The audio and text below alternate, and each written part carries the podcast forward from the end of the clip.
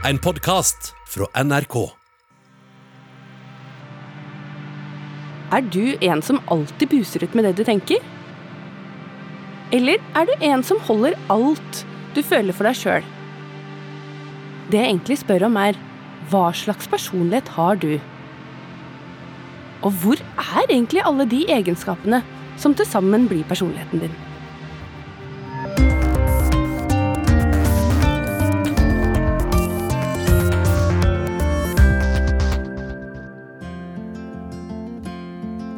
Tenk nøye etter nå. Hvem er du egentlig? Det kan være vanskelig for mange å svare på, og det er kanskje et av de spørsmålene vi mennesker grubler mest over. Og lager sanger om. Prøver å finne meg sjæl. Men det Finn Kalvik og alle andre skulle ha visst, er at svaret på gåten om hvem du er, finnes et sted nærmere enn du tror. Prøver å finne meg sjæl. Og det er ikke noe mystisk. Og det er ikke noe overnaturlig heller. For personligheten din er noe helt håndfast som finnes mellom ørene dine. I hjernen din. Og dette, det burde jo vært pensum. Jeg heter Kaja Nordengen. Og hvis jeg skal si noe om hvem jeg er, så kan jeg fortelle deg at jeg er hjerneforsker, lege, forfatter og foredragsholder. Og når jeg ramser opp alle disse tinga for deg, så bruker jeg isselappen min. Og det er den delen av hjernen som ligger rett under issen. Altså der noen menn blir skalla. Så for at du skal forstå hvor hjernen personligheten din lages, så må vi faktisk åpne hodeskallen. Lyden du hører nå, det er en drill hjernekirurger bruker til å bore hull i hodeskallen på pasientene som de skal operere. Men vi må være forsiktige. For pirker vi på de gale stedene i hjernen, så kan vi faktisk endre personligheten din. Det skal jeg fortelle deg mer om senere. Men aller først, for å vite hvor i hjernen personligheten er, vil jeg at du skal vite hvilke deler hjernen består av. Så nå skal jeg være din hjerneguide. Denne episoden handler om biologi, ikke filosofi, og derfor så skal vi ned i hjernen for å finne svaret på hvor personligheten din er. Er du klar? Under hodeskallen ligger den en lyserosa bølgede hjernen. Den ligner på mange måter på en stor valnøtt. Men i motsetning til valnøtten, som er hard, er hjernen myk. Så myk at du kan røre i den med en skje. Hjernen til en voksen veier ca. 1,5 kg, og det er like mye som en brusflaske full av brus. Helt ytterst i hjernen er det et lag på ca. 1-2 mm, akkurat som barken til et tre. Derfor kalles det også hjernebark. Om du hadde klappet hjernen, er det hjernebarken du tar på. Vi deler hjernen inn i lapper etter hvor under kraniet den er. Når du nå ser ned på den glinsende rosa valnøtthjernen, ser du altså pannelappen der foran ved panna. Isselappen ved issen. Tinninglappene ved siden ved tinningene rett innafor øra. Og helt bakerst bakhodelappen. Som du skjønner, består hjernen av mange deler. Og når vi skal finne personligheten din i hjernen, må vi derfor lete flere steder. Men før vi roter videre rundt i hjernen, så er det egentlig greit at jeg sier noe mer om personlighet. Hva er det egentlig vi driver og leter etter?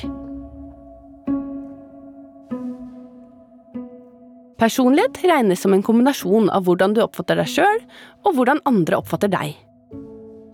Du er ikke bare det du tenker og føler, men det er også hva du gjør og viser.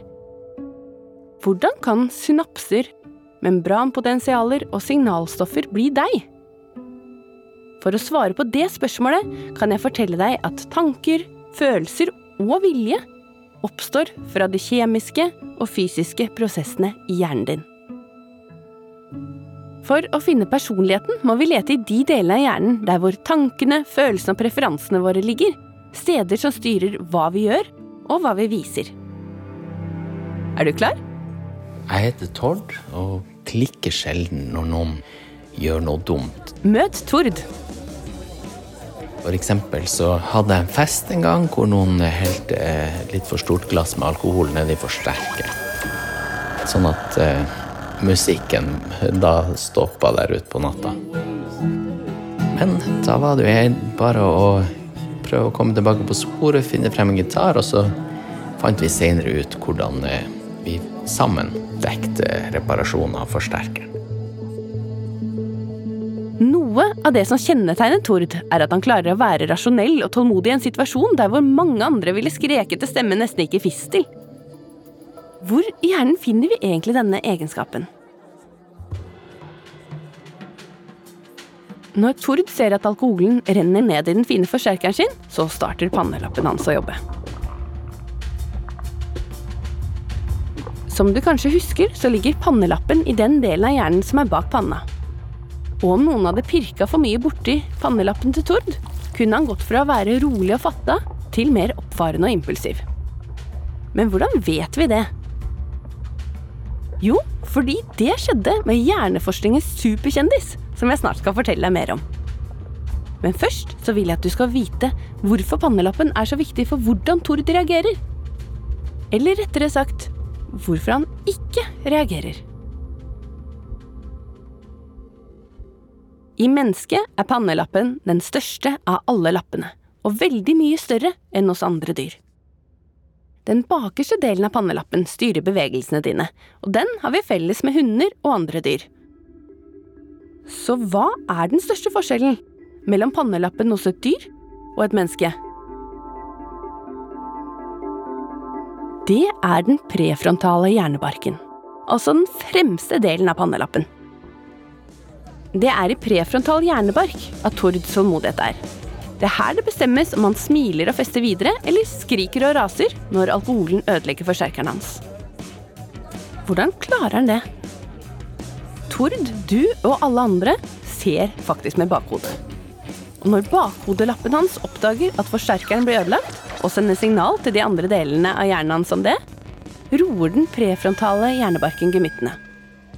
Den prefrontale hjernebarken er den som får de fleste av oss til å telle til ti, og til ikke å trykke send etter å ha hamret ned en hissig. Det er nettopp den prefrontale hjernebarkens kontroll som ble svekka hos hjerneforskningens superkjendis. Der mange andre blir skjelven av å møte filmstjerner, kjente jeg det kilte i magen da jeg fikk møte en rundt 160 år gammel hodeskalle med et uvanlig hull. Og nå skal du få vite hvorfor.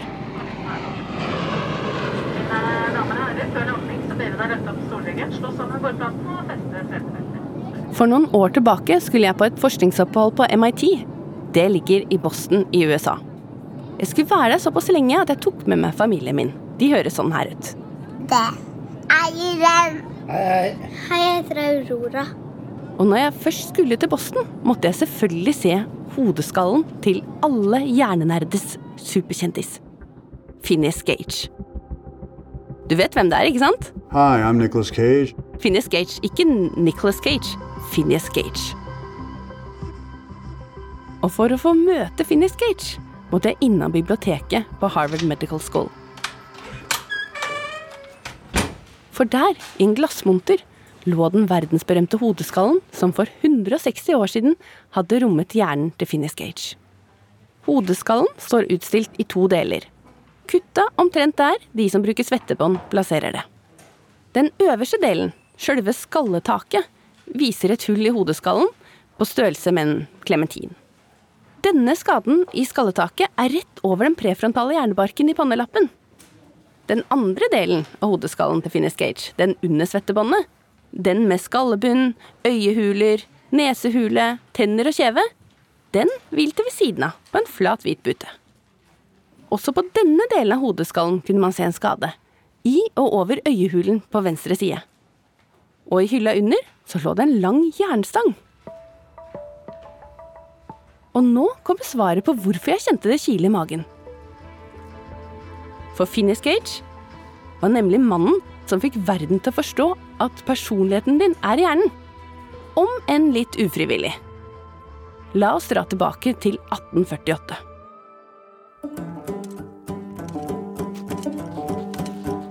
I 1848, mens Tidemann og Gude malte brudeferden i Hardanger, befant Finnis Skate seg på den andre siden av Atlanterhavet fra Europa. Han var 25 år gammel og jobbet på jernbanen som skulle gå tvers over USA.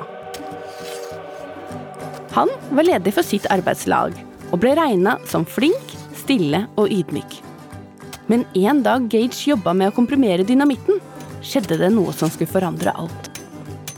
Idet han skulle dytte dynamitten inn i et borehull med den seks kilo tunge jernstanga, så eksploderte dynamitten. Den over én meter lange jernstanga fløy inn i hans venstre kinn, gjennom øyehula og den prefrontale hjernebarken som ligger i pannelappen, og ut på den andre siden av hjernen. Og landa mange meter unna. Men likevel så overlevde Finnish Gage. Han klarte å reise seg, gå til nærmeste kjerre og svarte på spørsmål. Etter en måned med infeksjoner var han på beina igjen. Han gikk og snakka som før, men han fikk ikke tilbake jobben sin. Var nemlig noe som hadde skjedd. De som kjente ham, sa at han var no longer Gage. Han hadde helt endra personlighet. Fra å være stille og ydmyk, en mann som takka og bukka, mista han nå hemningene sine helt. Oppførte seg vulgært og uakseptabelt. Han begynte å bruke grove banneord. Og i tillegg så fikk han problemer med å gjennomføre planene sine. Hans historie ble startpunktet for helt nye tanker om personlighet. Stangen som for gjennom hjernen hans, gjorde at vi forsto at personligheten er nettopp i hjernen, og at en skadet hjerne kan endre personligheten vår. Og særlig endres personligheten når den prefrontale hjernebarken skades. Hvorfor det? Jo, for i den prefrontale hjernebarken, som er i pannelappen, er vår empati, oppmerksomhet og impulskontroll som gjør at vi klarer å planlegge hva vi skal gjøre, og tenke oss til hva konsekvensene av det vi gjør, kan bli. Ulykken til Finnis Gage fra 1848 er på ingen måte det eneste eksempelet på at en skade i pannelappen gir endra personlighet. Men han er det første. Nå vet du at pannelappen er superviktig for å kontrollere impulser. Men hva er det som gjør at Tord er så flink til å kontrollere impulser, mens andre ikke er det? Hvor god impulskontrollen er, kommer an på hjernen du er født med, og hvordan du har vokst opp. Arv og miljø. Det betyr at det alltid finnes medfødte forskjeller mellom folk på hvor velutvikla pannelappskontrollen er og kan bli. For heldigvis kan den også trenes opp. Men hvor lett det er, er også avhengig av hjernen du er født med. Jokeren er å ha overskudd. Gode genetiske forutsetninger og en oppdragelse og et miljø der pannerapskontroll er vektlagt, kan kastes over bord når vi bare blir slitne nok. Sjøl Tord, som vi har hørt fra tidligere, kunne uttrykt mer umiddelbar frustrasjon om strikken hans var tøyd på forhånd. Husker du at Phineas Gage ble vulgær og hemningsløs? Det er fordi det er pannelappen som også legger bånd på deg. Uten den mister du selvbeherskelsen og kan komme til å gjøre en hel masse ting du angrer på. Eller burde ha angra på. Med skade i pannelappen forsvinner nemlig også mye av selvinnsikten. Med skade foran hjernen kan du oppfattes som følelseskald fordi du ikke forstår konsekvenser, verken på egne eller andres vegne. Med andre ord, pannelappen gjør at du fremstår mer kontrollert og fornuftig. Men den jobber også som dirigent som styrer hjernen din. Den er som en kommandosentral for personligheten din, hvor all informasjonen om deg samles.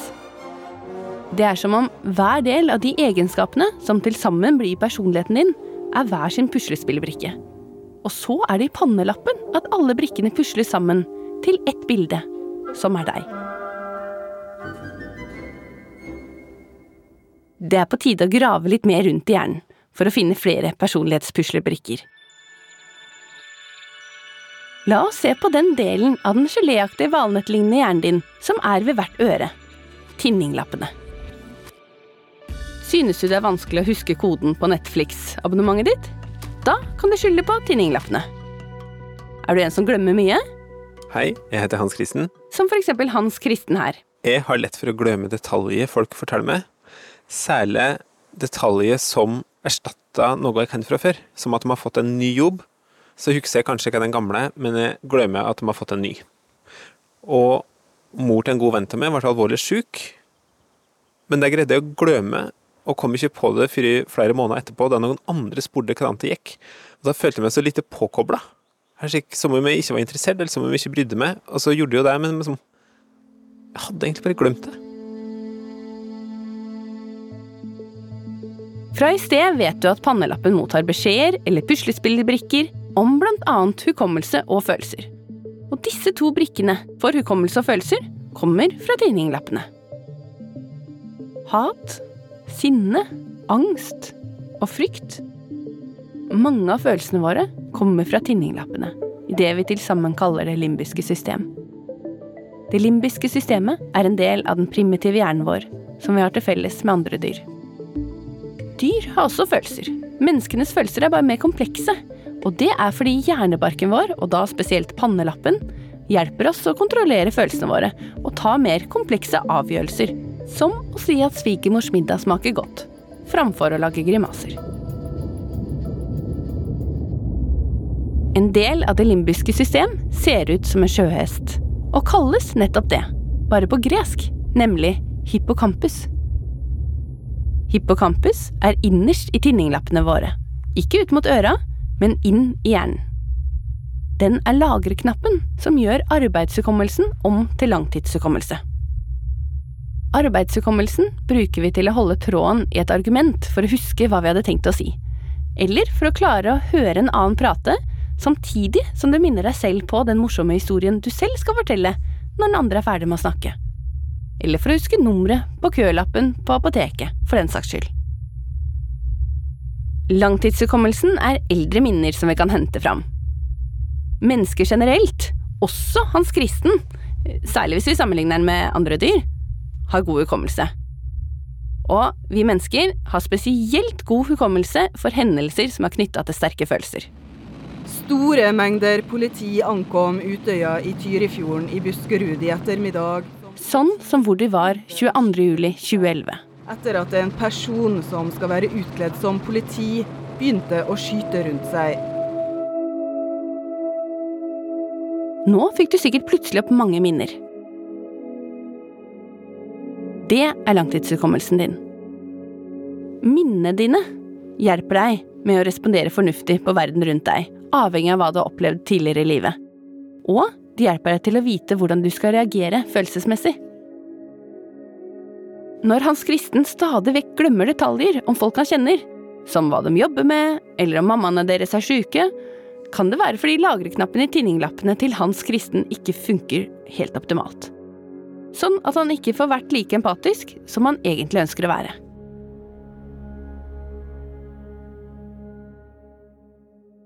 Du husker kanskje at jeg sa at personlighet er kombinasjonen av hvordan du oppfatter deg sjøl, og hvordan andre oppfatter deg. Følelser er derfor noe vi ønsker å ha kontroll på. Uten den kontrollen ville vi ikke klart å følge samfunnets normer. Ingen ønsker å være den legen som gråter mer enn pasienten når legen skal gi en trist beskjed. Men det er ikke alle følelser vi har kontroll på. Vi åpna hjernen i starten av episoden, og vi skal ikke lukke hodeskallen helt ennå. Vi skal se på et sted i hjernen som er veldig aktivt hos meg. La meg fortelle deg en liten historie fra livet mitt, så kan du gjette hva jeg vil fram til. Klokka var kanskje sju på morgenen, og jeg hadde allerede vært på jobb i mange timer og hadde på meg min hvite labfrakk og var veldig konsentrert om det jeg holdt på med, nemlig merking av ultratynne skiver av rottehjerner med gullpartikler som kan sees i et elektronmikroskop.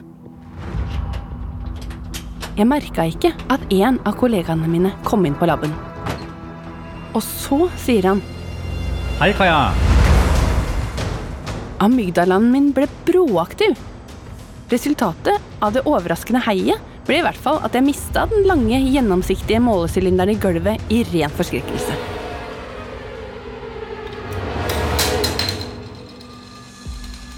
Han bemerka tørt at hvis jeg reagerte sånn, så skulle han ikke hilse på meg mer.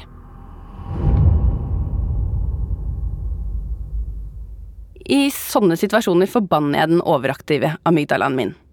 Den gjør at jeg søler varm kaffe hver gang det kommer noen uventa rundt hjørnet. Den gjør at notatene jeg skriver med blyant eller penn, midt i et ord kan ha en strek som forsvinner utafor arket, fordi jeg skvetter av alt mulig. Og amygdala, sier du kanskje. La meg fortelle hva amygdala er. Bli med ut i skogen. Hvis du går deg en tur i skogen en fin sommerdag, og så hører du en slags raslende lyd bak deg, til høyre, som kommer nærmere. Og når du snur og ser etter, så ser du at blant gress og visna blader fra i fjor, så er det noe som bukter seg bortover bakken som en slange. Og har du god nok tid og en passe uthvilt hjerne som klarer å tenke rasjonelt, tenker du kanskje å, en stålorm eller en hoggorm. Stålorm er jo ikke farlig, og hoggorm er nok mer redd for meg enn jeg er for den. Det er bare å stå stille og høre på fuglene synge til den har buktet seg forbi meg. Helt i tuppen av tinninglappene, godt gjemt under den rosa overflata, ligger fryktsenteret vårt. Det er det som heter amygdala. Blir vi redde, er det amygdala som er aktivert. Pannelappen klarer imidlertid ofte å snakke den til fornuft om faren ikke er reell. Men det er ikke alltid at tankene rekker å gå omveien om hjernebarken i pannelappen. Og om det plutselig skulle komme kjørende en bil i full fart på skogsveien du går på, da er det bra at den primitive delen av hjernen tar over og får deg til å kaste deg i grøftekanten, heller enn å bli stående og vurdere fram og tilbake om du kanskje skal ta et steg til siden, i stedet for å kaste deg ned, så du ikke blir skitten på buksa. For omveier tar tid.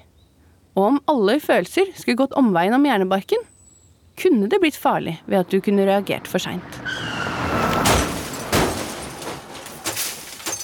Amygdala beskytter oss.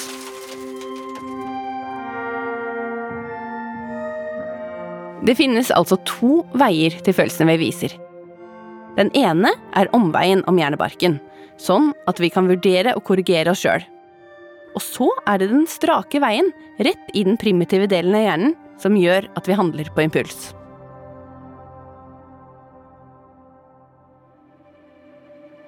Følelser er en viktig del av personligheten vår. Både hvilke følelser du føler, og hvilke du velger eller ikke velger å vise.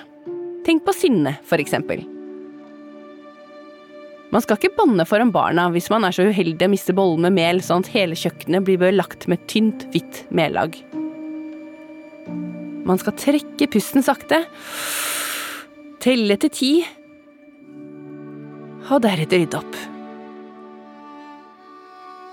Mye i hverdagen vår handler om å tøyle følelsene våre. Å handle rasjonelt og ikke på impuls. Hvorfor har vi egentlig følelser? Spurt på en annen måte, hadde egentlig verden gått videre uten følelser? Hvordan hadde det vært hvis vi ikke fikk skyldfølelse av å lyve? Ikke kjente kjærlighet til barn, kjæreste, familie og venner?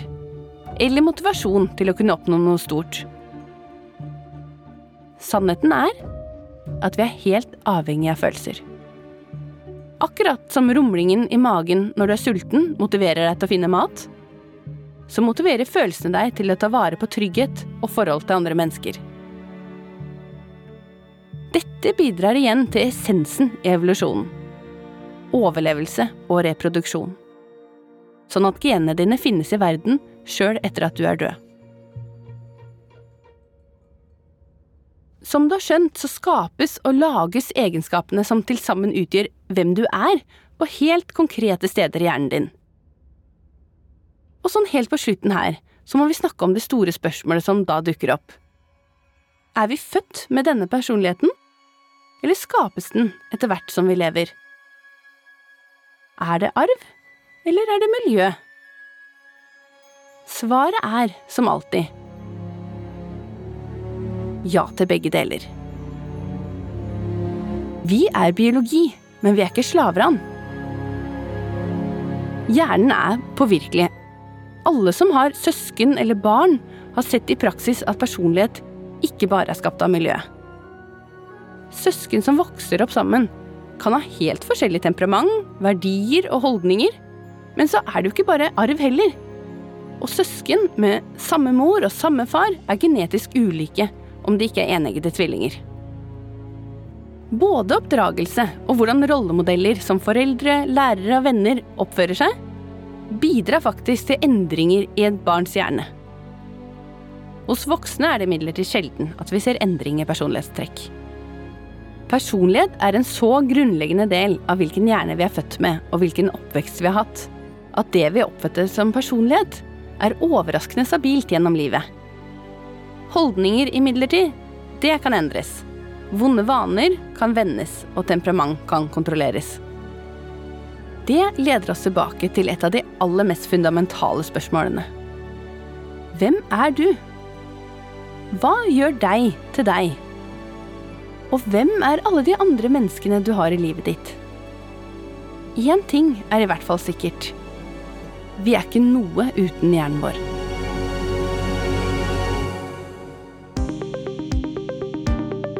Jeg heter Kaja Nordengen. Jeg er hjerneforsker, lege, forfatter og foredragsholder. Og mens jeg lukker hodeskallen sånn at hjernen vi har sett på i denne episoden kan få fred, vil jeg at du skal bruke sjøhesten i tinninglappen til å lagre og huske disse tre tingene fra det du nettopp har hørt. Og det er 1. Personligheten din er fysisk. 2. Personligheten sitter i hjernen og er en kombinasjon av unikt arvestoff, unike opplevelser, som har ført til unike koblinger mellom nerveceller. 3. Skades hjernen, kan personligheten også skades. Har du lyst til å høre andre ting som burde vært pensum? Jeg kan anbefale episoden om hvor skillet går mellom det å være sjuk og det å være frisk, av lege Kaveh Rashidi. Burde vært pensum hører du i appen NRK Radio. Burde vært pensum er laget av Lyder Produksjoner for NRK. Produsent Tine Eide. Eksekutivprodusent Christian Marstrander. Lyddesign ved Sondre Myrhol. Musikken er laget av Halvard Hagen og Jens Petter Nilsen. Og ansvarlig redaktør fra NRK, Ole Jan Larsen.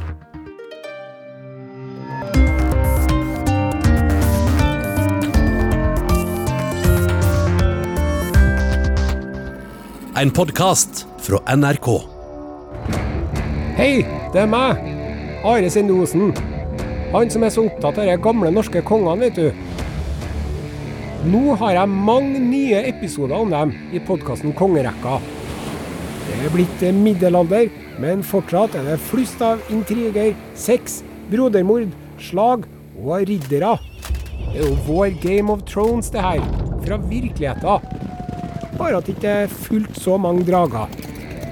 Hør podkasten Kongerekka i appen NRK Radio.